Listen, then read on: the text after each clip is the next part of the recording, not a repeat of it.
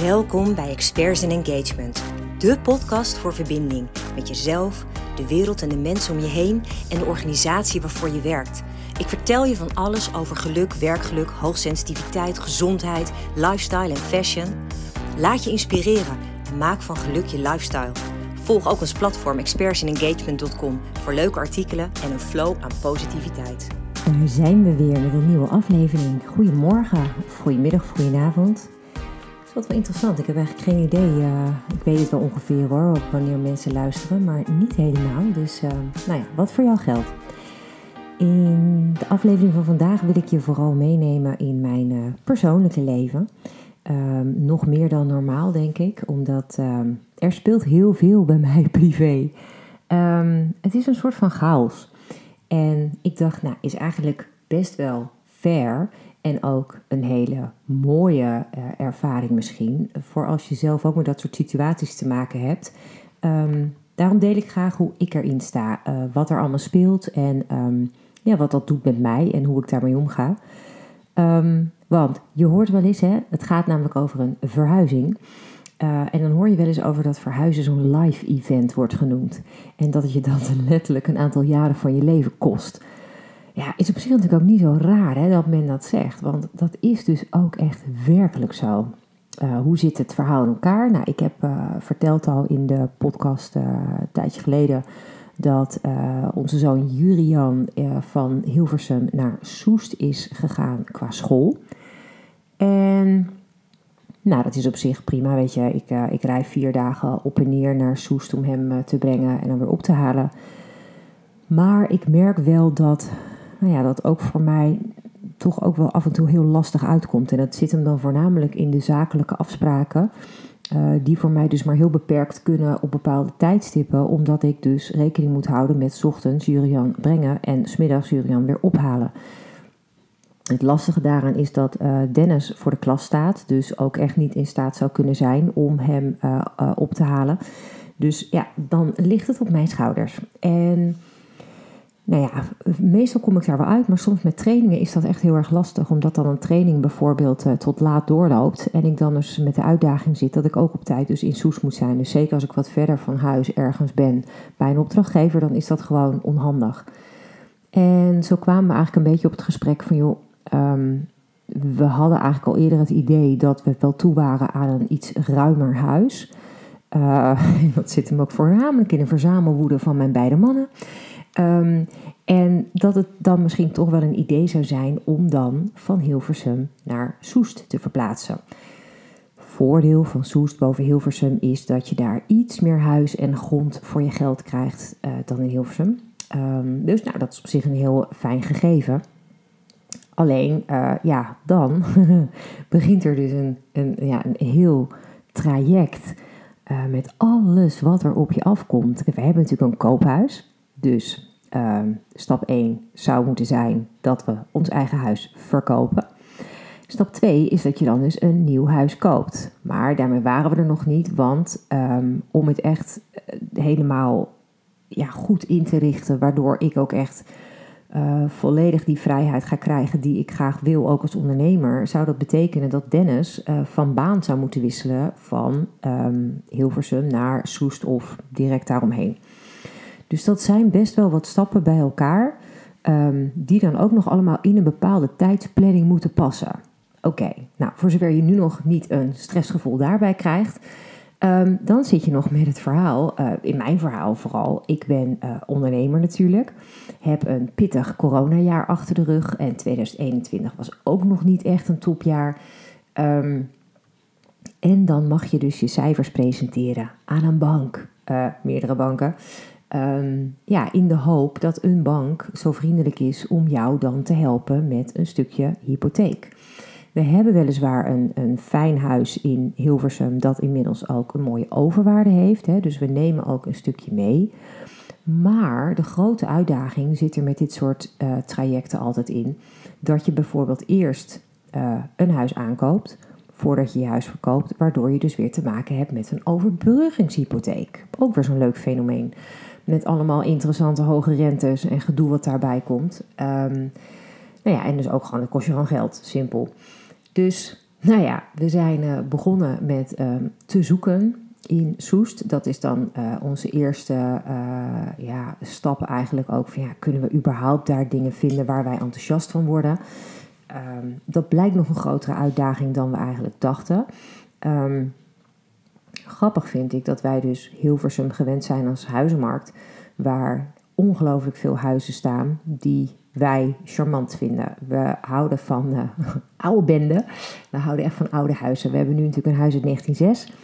En ja, dat is ook gewoon waar we liefde voor hebben. Ehm, dus een huis nieuwer dan de jaren 30 ja, is eigenlijk voor ons niet direct iets wat ons enthousiast maakt, wat ons aanspreekt. Maar we uh, willen wel open-minded zijn, omdat als een huis uh, de potentie heeft om er sfeer in aan te brengen, dan toch eventueel in aanmerking kan komen. Nou, zo gingen we dus ook de uh, markt van Soest op. Om al snel tot de conclusie te komen dat er in Soest nou ook weer niet zo gigantisch veel te koop staat. En dat er verschillen tussen relatief goedkoop en schrikbarend duur um, ook echt groot zijn. Er ligt, de, de, de, het is heel apart. Hè? Je hebt heel veel huizen in die uh, onderste regionen.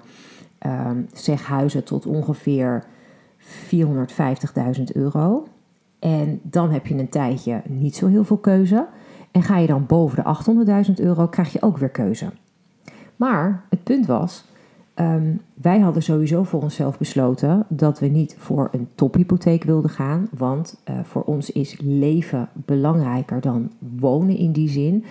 Um, we hebben niet zo gigantisch veel nodig om helemaal happy te zijn. Weet je, dus wij wilden een huis wat wel voldoende ruimte biedt en het liefst een beetje een tuin. Um, nou ja, en, en gewoon vooral dus wat qua sfeer voor ons werkt. En het vervelende voor ons is dat de huizen die onder die 450.000 vallen, dat zijn huizen waar we qua sfeer echt gewoon bijna verdrietig van worden. Het is echt verschrikkelijk. Het is gewoon een, bepaalde stijl, uh, jaren 70, 80. Ja, sorry, ik, ik, wil niemand beledigen, maar dat is gewoon niet waar ik blij van word. Het is niet waar ik me thuis voel.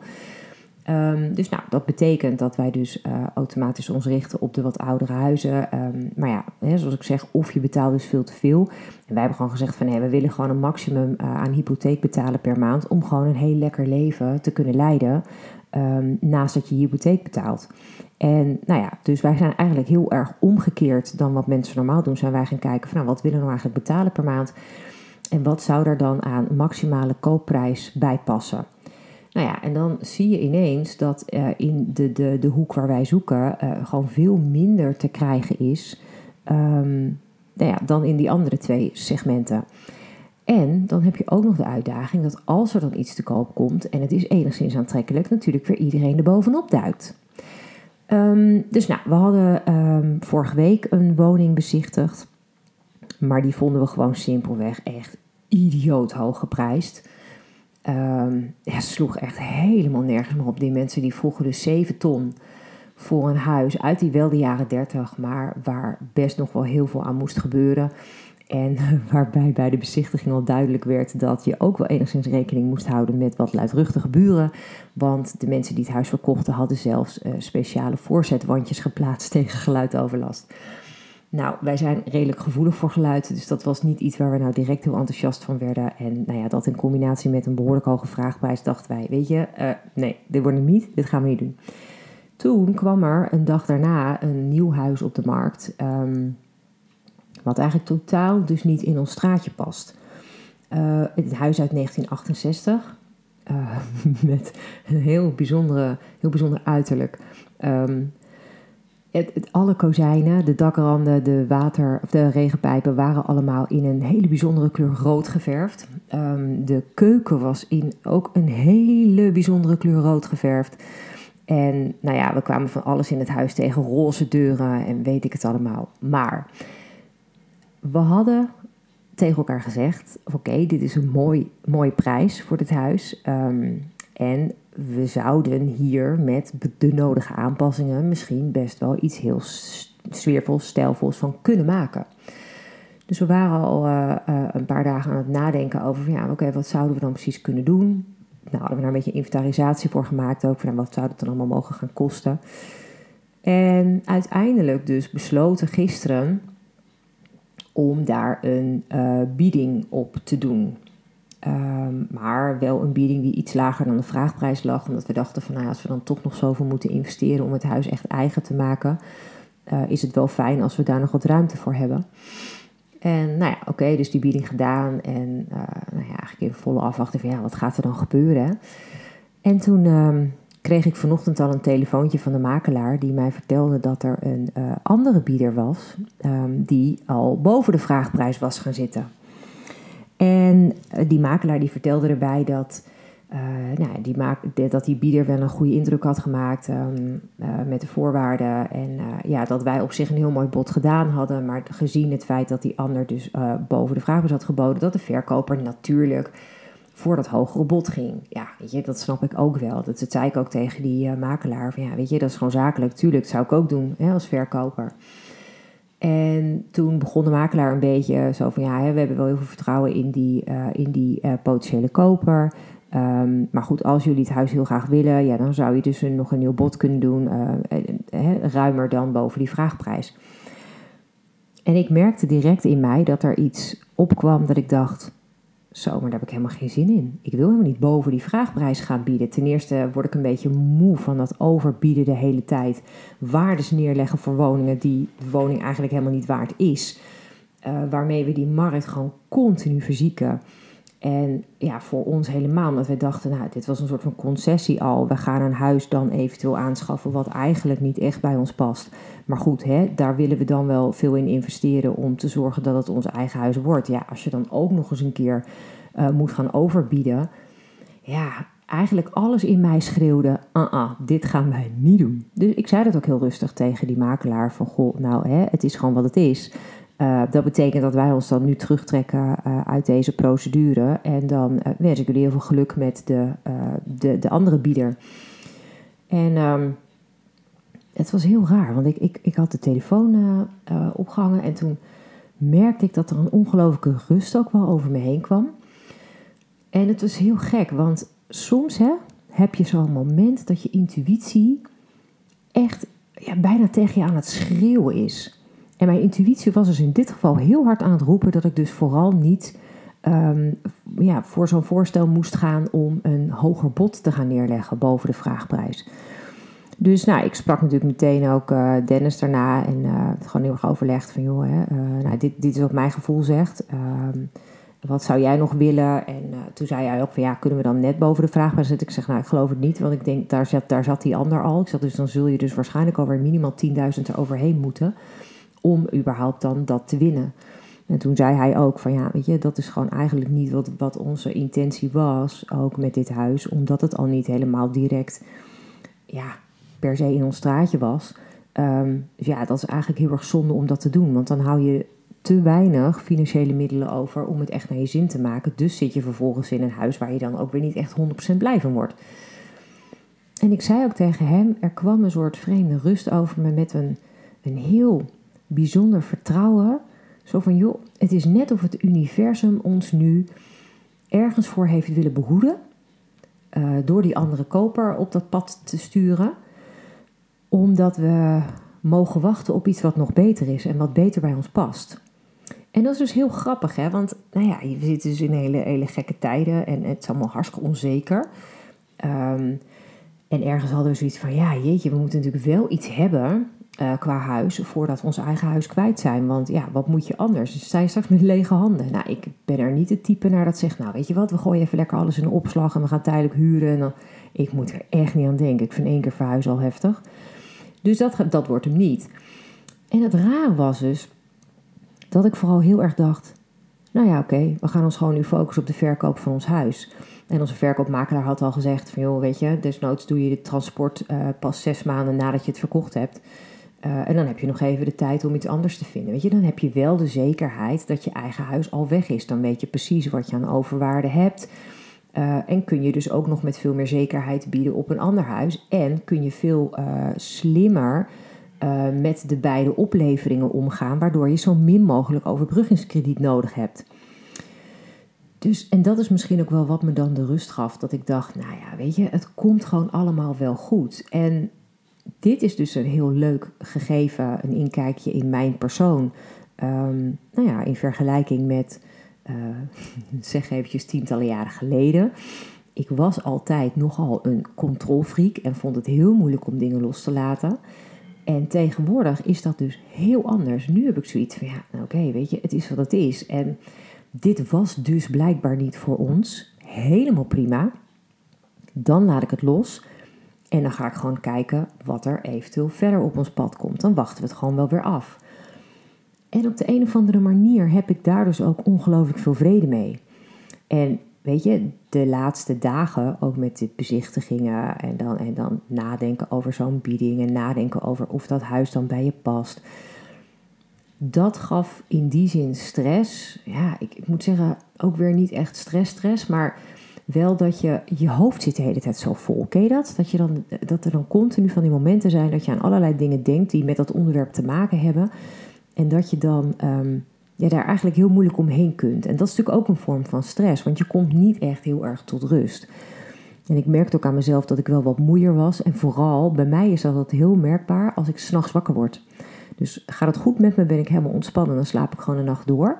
Maar als ik dus heel erg bezig ben in gedachten met allerlei dingen die spelen, dan heb ik nog wel eens de neiging om gewoon ergens in de nacht wakker te worden en dan, uh, ja, allerlei dingen te gaan lopen bedenken en zo. Heel fijn. Dus, uh, nou ja, dat is een beetje onhandig. Maar ja, ik weet niet. Ik heb dus nu het gevoel dat er ook wel ergens iets van ons af is gevallen. En dat we dan nu gewoon weer uh, mogen gaan voor nieuwe kansen. En tegelijk is dat ook heel fijn, want we zijn de laatste twee weken al heel druk om ons huis er echt optimaal uit te laten zien. Want ja, je wil natuurlijk wel dat als een kijker binnenkomt, dat hij dan ook vrij snel het gevoel krijgt van: oh, nou ja, hier zie ik mezelf wel wonen. Oh, dit is netjes verzorgd. Oh, dit ziet er goed uit. Dus uh, met de nodige uh, verfblikken, verfkwasten en rollers en ladders uh, gaan wij dus ons huis door deze dagen. Um, en het grappige was dus, ik heb gewoon een soort van nieuwe hobby ontdekt of zo. Want ik word daar dus super zen van. het is echt heel grappig. Geef mij een kwast en een kozijn. En nou ja, ik, ik ga gewoon verven. En ik, ik doe dat ook echt. Nou, ik ben dus wel een perfectionist. Dat is wel een dingetje. Uh, dat levert ook de meest bijzondere situaties op tussen mij en Dennis. Um, die inmiddels ook wel snapt van, nou weet je wat, laat haar maar gewoon gaan. Ik ga wel iets anders doen. Dus we hebben een beetje zo'n rolverdeling dat hij meestal is van het schuren. En ik ben dan meestal van het verven. En nou, dat gaat eigenlijk gewoon prima, weet je, dat regelen we goed zo. En ik merk dus dat als ik dan helemaal opga in dat verven en echt tot, tot de mooiste randjes gewoon heel netjes doe, dat ik dan um, ja, heel rustig word. Ik, ik merk dat mijn hoofd dan leeg raakt en ik ben dan ook verder even nergens mee bezig, behalve met of ik die strepen verf netjes op het kozijn krijg. En ik vind het ook echt grappig, want je, je krijgt zo'n voldoening van een verbetering die je dan ziet gebeuren. Weet je dat je, we hadden bijvoorbeeld een, eh, een, een blauwige muur boven. En die hebben we dan toch maar wit gemaakt, omdat we dachten, ja, weet je, niet iedereen houdt van zo'n kleur blauw. Dus laten we het even wat neutraler maken, zodat het voor iedereen gewoon, nou ja, of aantrekkelijk is, of dat de persoon denkt, oh, daar kan ik makkelijk een ander kleurtje overheen doen. Ook goed. Um, en dat was nog een uitdaging, want blauw, uh, nou, ik kan je vertellen, dat is niet heel makkelijk om dat weg te krijgen. dus dat was, ik denk drie verflagen was op de muur. Dus drie lagen ongeveer. Maar als het dan af is en als het dan echt mooi wit is geworden en het ziet er gewoon strak uit weer, dan geeft dat ook zo'n ongelooflijk uh, gevoel van voldoening. Ja, dat is, ik vind dat echt heerlijk. Dus nou ja, dat is ook wel grappig. Ik zie er dus ook niet tegenop in een nieuw huis om dat soort dingen te moeten doen. Dus dat verven, nou laat mij maar lekker gaan, weet je, ik vermaak me wel. Um, maar als ik kijk naar hoe druk is dat in je planning, dan is dat nu best wel een aanslag op mijn vrije tijd. Want nou ja, Pinksterweekend uh, was drie dagen, waarvan we tweeënhalve dag dus aan het klussen zijn geweest. Um, en in principe, in principe had ik daar ook niet super veel last van. Maar ik merkte wel, ook vooral fysiek, dat ik echt wel moe was. Nou ja, en dan moet je dus weer daarna werken.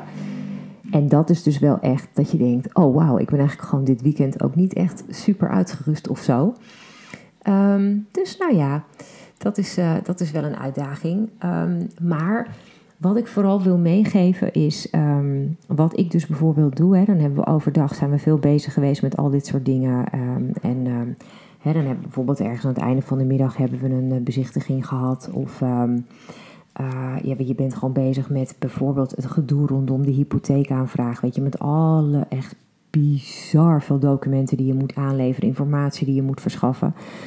Wat wij dan doen, is dat we dan na het eten, dan eten we zo vroeg mogelijk, zodat we dan daarna nog even uitgebreid de hei op kunnen. Dan gaan we gewoon nog even lekker een stuk wandelen in de natuur. En dat is wat ik je echt gigantisch kan aanraden. Op het moment dat je enigszins druk voelt van allerlei dingen die je moet, dan is dat zo'n fijn moment om even in de natuur te zijn en even dan ook echt in het moment te zijn. Dus ook echt even te genieten van wat je dan om je heen ziet. Uh, of wat je hoort, weet je wel. Um, dat geeft rust. En daarmee kom ik dus deze periode gewoon door. En los daarvan, ik had vanochtend uh, toen ik op kantoor aankwam, uh, een moment dat ik gewoon alleen eventjes rustig, ik had koffie gezet. Ik was even rustig gaan zitten en ik zat gewoon echt eventjes helemaal in stilte, 10, 15 minuten, mijn koffie te drinken. En gewoon ja, eigenlijk echt helemaal alleen maar in stilte. En te kijken ook van waar gaan mijn gedachten heen? Wat zit er in mijn hoofd? Waar heb ik last van? Uh, en waar kan ik eventueel wat mee? Um, en ook dat kan je dus heel erg helpen om uh, overzicht te krijgen voor jezelf. En dan, um, nou ja, op die manier gewoon weer een soort van rust te creëren, zodat je die stress een beetje de baas kan blijven. Nou ja, en ik weet natuurlijk helemaal niet hoe dit verder natuurlijk allemaal gaat verlopen. Daarvan ga ik je op de hoogte houden.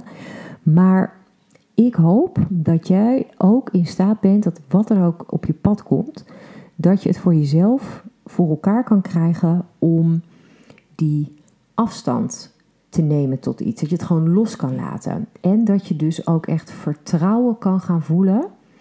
Um, nou ja, in wat er voor jou bestemd is, wat er voor jou de bedoeling is. Ik geloof natuurlijk heel erg in de wet van aantrekking en ik geloof er gewoon in dat dit misschien net niet was wat bij ons past en dat we het daarom ook niet hebben aangetrokken daadwerkelijk. Dus ik vertrouw erop dat er dus iets beters gaat komen. Um, en we zullen het zien. Ik, ik ga je gewoon op de hoogte houden. Je zult het weten. En um, ik hoop dat dit in ieder geval ook inspirerend voor jou kan zijn. Dat je dan um, ja, dingen van een afstandje mag bekijken. Gewoon af en toe eens eventjes die afstand nemen. En dan gewoon kijken van, hé hey joh, wat vertelt deze situatie mij? Wat kan ik hiermee? Moet ik hiermee doorgaan, ja of nee? En luister dan vooral naar die innerlijke stem, je intuïtie. Echt, het is ongelooflijk veel waard als je dat durft te doen.